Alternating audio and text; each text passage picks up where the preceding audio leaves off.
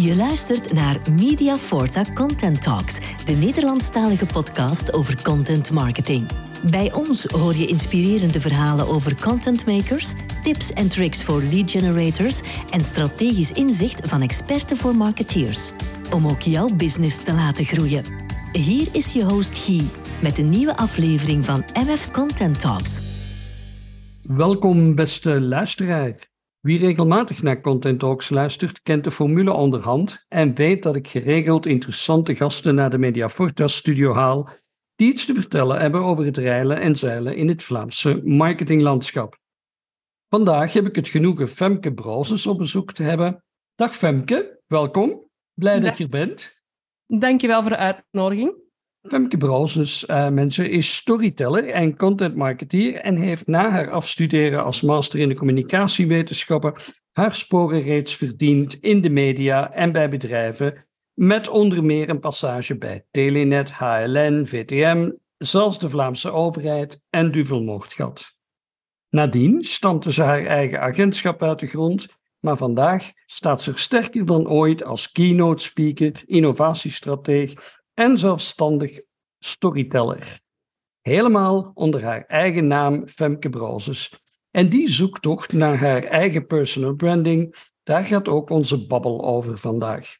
Heb ik het zo'n beetje goed verwoord, Femke? Of wil je daar nog iets aan toevoegen? Absoluut. Een uh, heel goede voorbereiding en ik zal er dadelijk nog iets dieper op ingaan. Kijk eens, je website Level Up Publishing is helemaal Femke Browsers geworden. Een heel persoonlijk verhaal, waar je het ook in je keynotes over hebt.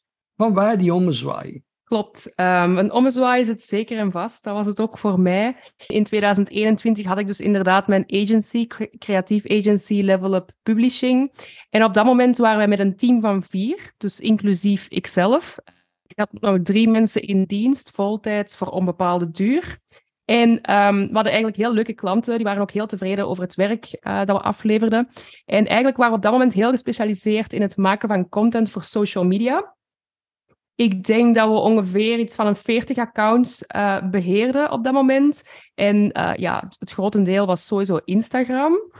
En ja, hoewel dat we heel veel creativiteit kwijt konden in elke post, want we deden dat echt van brainstorm tot contentcreatie, maar ook het plaatsen, het opvolgen achteraf, het bekijken van de statistieken, dus eigenlijk het hele plaatje.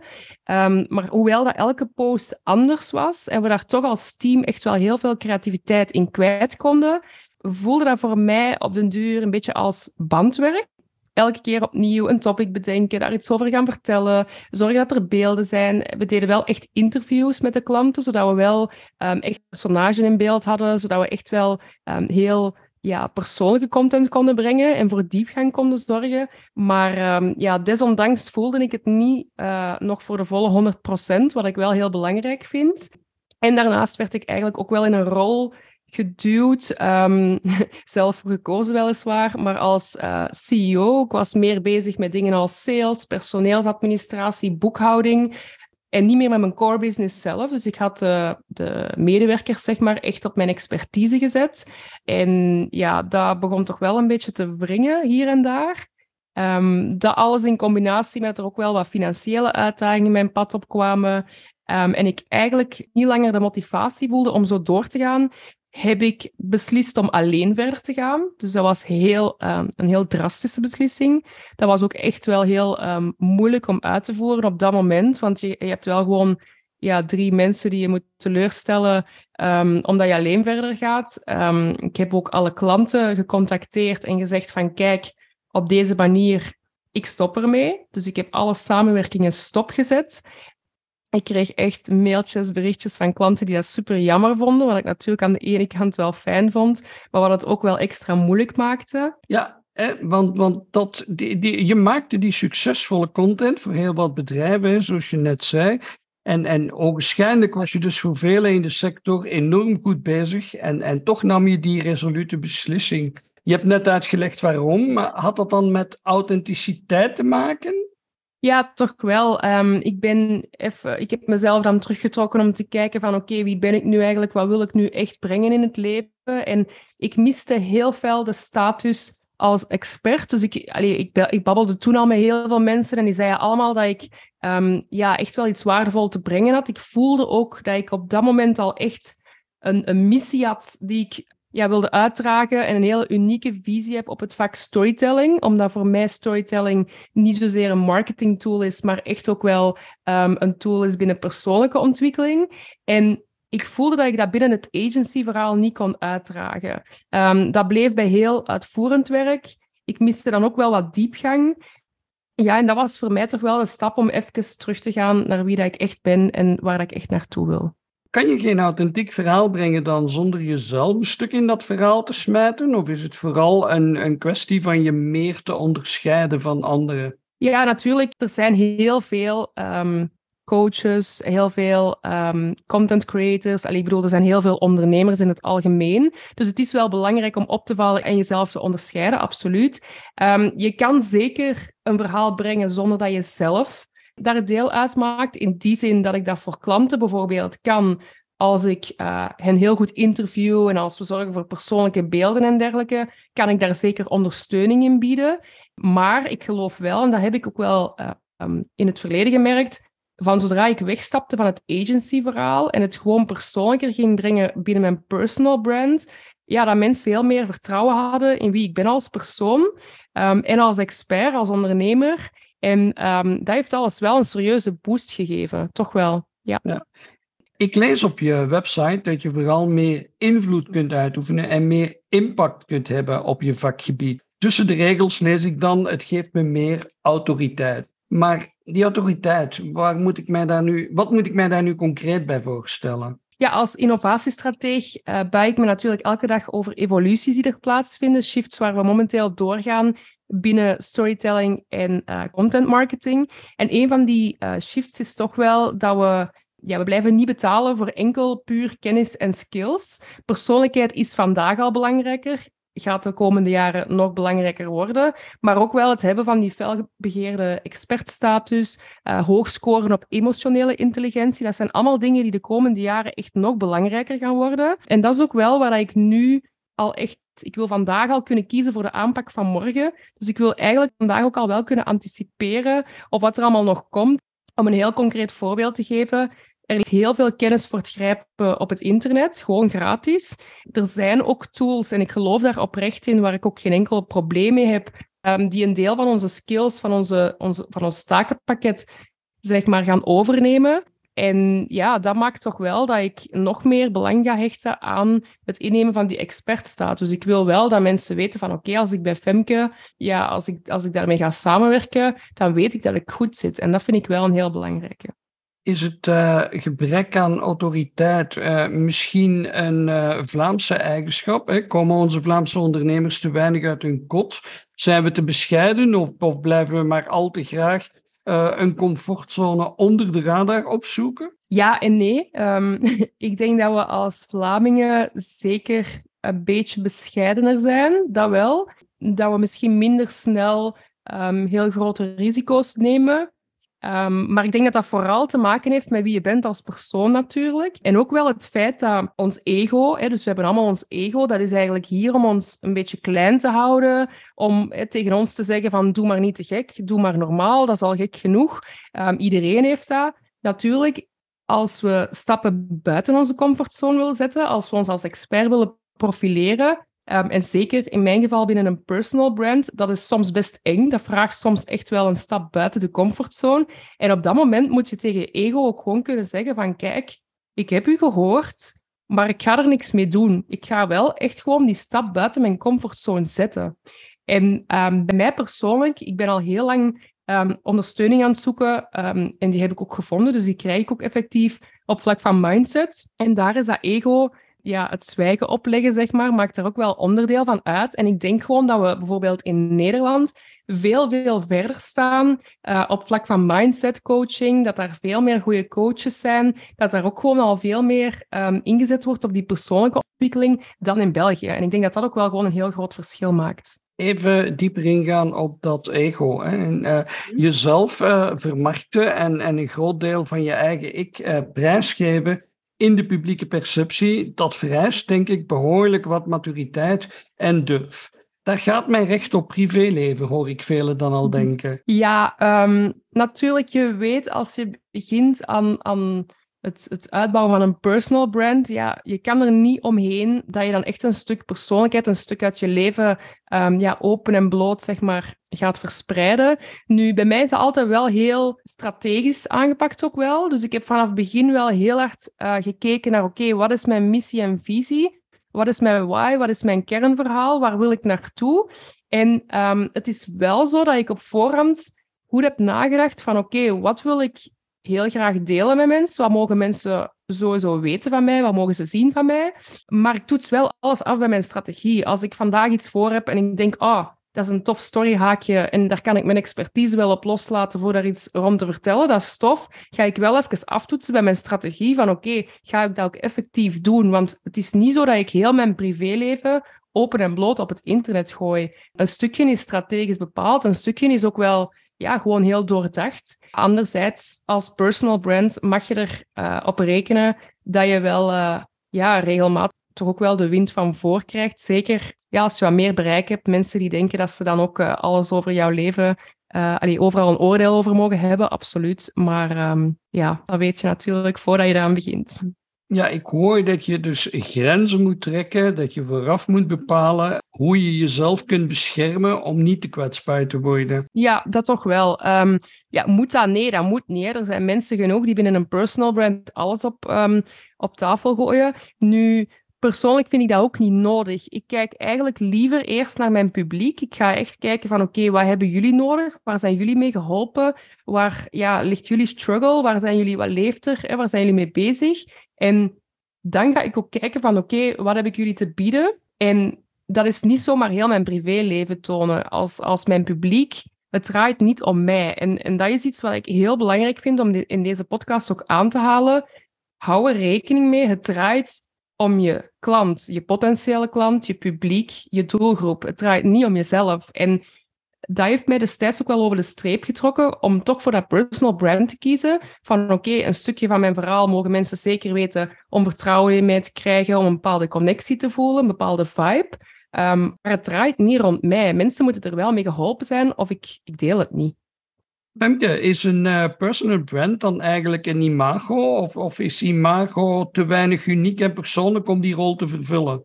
Voor mij is een personal brand echt wel een, een identiteit die je toont. Een, een oprechte identiteit. Dus voor mij ligt dat heel dicht uh, bij wie ik ben als persoon.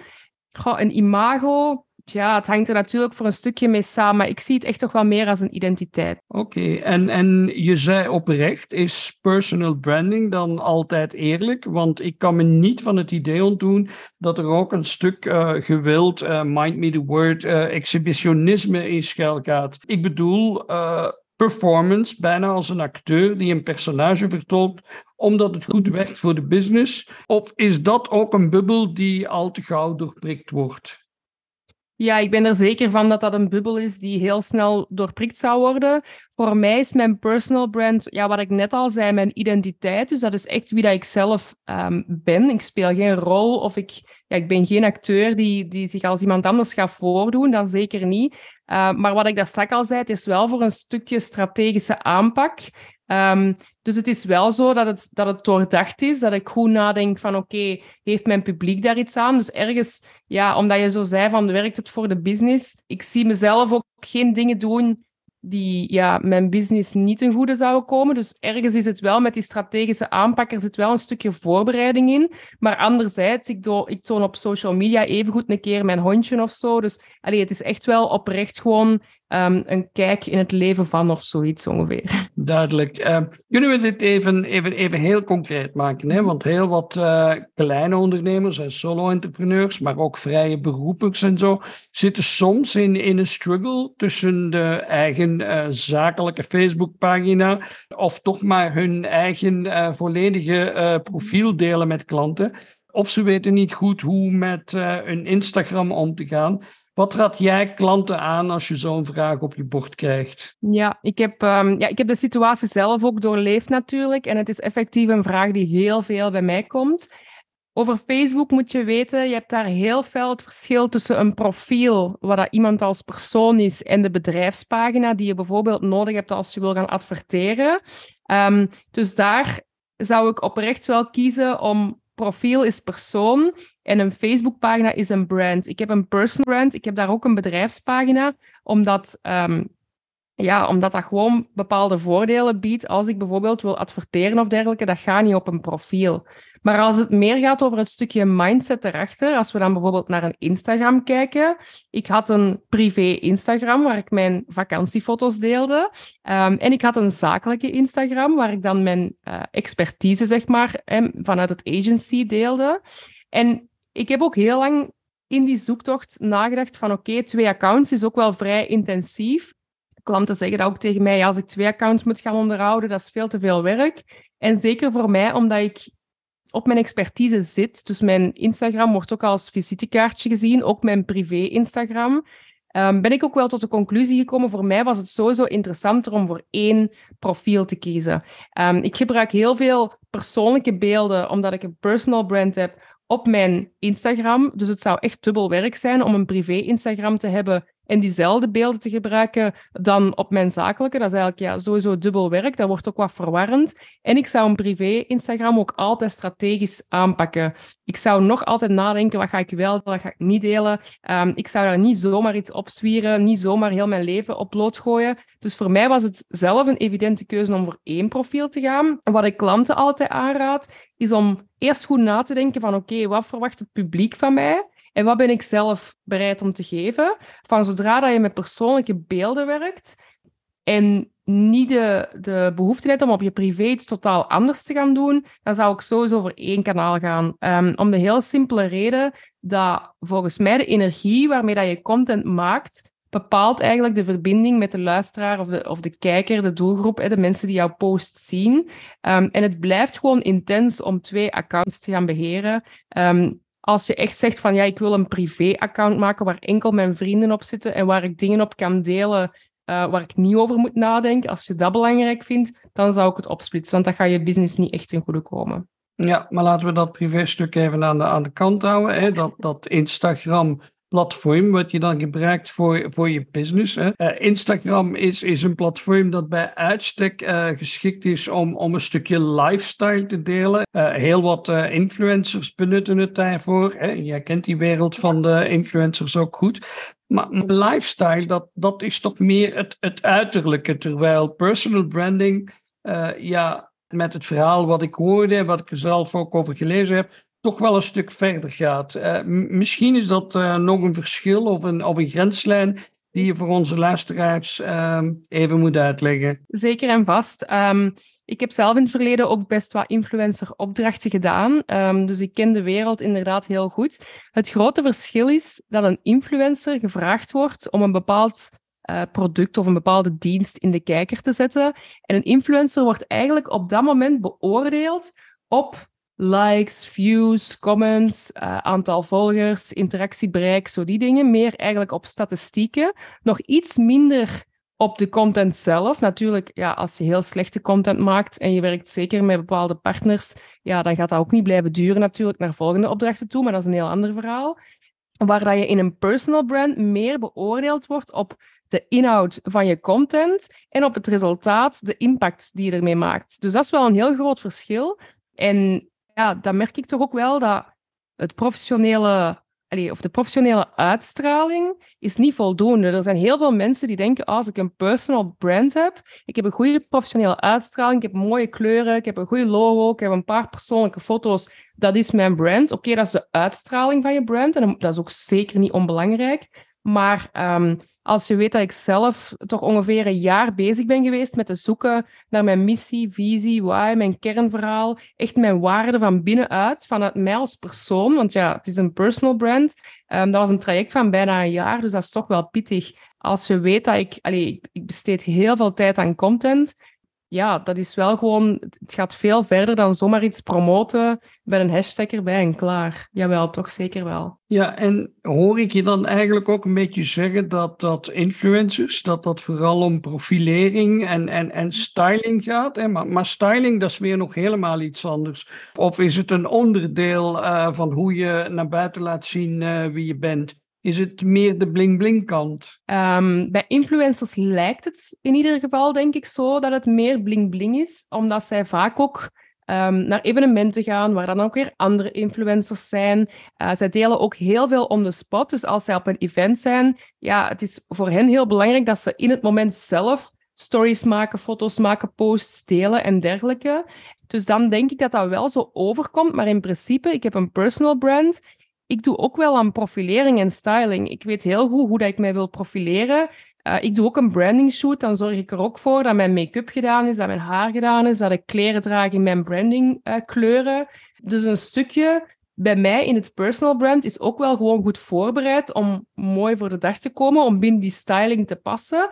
Um, zodat ik een beeldbank heb als ik iets wil vertellen. Er is niks zo frustrerend dan iets willen vertellen en geen beeld hebben en er op die dag misschien niet zo fancy uit te zien, um, dan grijp ik ook naar beelden in een beeldbank. Dus op zich, qua, qua styling, denk ik dat het wel met elkaar te vergelijken is, uh, maar dat het gewoon heel anders uh, overkomt naar de buitenwereld toe. En, en je, eh, je zei het net, hè, die, die influencers zijn op uh, heel wat plekken te vinden, gaan vaak ook publiek. Um, het lijkt wel een beetje alsof dat influencers en, en, en, en vooral ook heel wat uh, mediafiguren het uh, prettig vinden om in de kijker te lopen. Maar ik denk dan, iemand kan ook steengoed zijn in zijn job zonder een nood uh, om dat van de daken op de sociale mediakanalen te schrijven. Lopen we niet een beetje de kans dat we ons dan vooral gaan richten op wie al een groot stuk extravert is? En, en gaan we andere kwaliteitsvolle mensen mislopen, omdat ze misschien wat meer in hun schelp zitten? Ik vrees van wel. Daar ligt echt mijn uh, heel grote bezorgdheid. In die zin, je merkt dat, dat mensen die al een bepaalde bekendheid hebben of een bepaald publiek bereiken, dat die uh, redelijk snel worden gevraagd voor bijvoorbeeld een talkshow op tv. Als je puur naar de inhoud gaat kijken, dat er misschien wel betere uh, opties zijn. Mensen die er nog iets meer inzicht over te delen hebben. Anderzijds, ja, je moet gevonden worden. Dus het is heel eenvoudig. Als jij in de achtergrond blijft, bijvoorbeeld, en je toont jezelf niet, je hoeft niet luid te roepen, maar als je jezelf niet toont en als je niet zegt waar dat je voor staat, wie dat je bent, wat wat dat je kan doen en realiseren, dan vinden mensen jou ook niet. Dus het is effectief wel zo, ja, als mensen jou niet vinden, als ze niet weten wie je bent, wat je doet en hoe je te bereiken bent, ja, dan kan je ook niet verwachten dat je uitgenodigd wordt om ergens bijvoorbeeld uh, te gaan deelnemen aan een panelgesprek. Uh, dat absoluut. Maar ik denk dat het niet zozeer iets te maken heeft met introvert en extravert, maar dat het um, ja, gewoon jezelf uh, kunnen tonen. Dat is heel belangrijk. Het, het doet mij denken aan uh, Jeff Bezos van Amazon, hè, die in zijn boek Personal Brand ja, dat ook associeert met reputatie. Hè. Hoe zit dat? Hm. Is, is reputatie een gevolg van je doen en laten of wat je zelf naar buiten brengt? Of heeft uh, reputatie eerder te maken met hoe anderen je zien, hoe anderen over je schrijven en, en getuigen? Ja, een bepaalde reputatie krijg je inderdaad door wat de anderen jou zien doen. Dus wat je zegt van hoe de anderen jou zien en, en wat je schrijft, heb je natuurlijk allemaal zelf in de hand hoe de anderen naar jou kijken ik zie het zeker samenhangen, dus personal brand met een bepaalde reputatie. Maar ik ben er wel van overtuigd dat je het zelf in de hand hebt welke reputatie dat je krijgt bij jouw publiek. En er zal altijd een enkeling zijn die misschien een oordeel heeft wat dan minder positief is. Ja, hoge bomen vangen veel wind, dus je moet gewoon ook wel tegen een stootje kunnen. Um, maar over het algemeen beeld zie ik het ook wel samenhangen. Maar dan wel met het feit dat je het zelf in de hand hebt. Oké, duidelijk. Uh, we zijn bijna aan het uh, eind van dit gesprek. Onze tijd zit er uh, bijna op. Maar voor we afsluiten, nog even dit. Hè. Ik vraag mijn gasten altijd om een goede raad of tip mee te geven. wat is jouw gouden tip voor onze luisteraars, Femke? Mijn gouden tip is um, begin of, of ga nog meer luisteren naar jouw doelpubliek.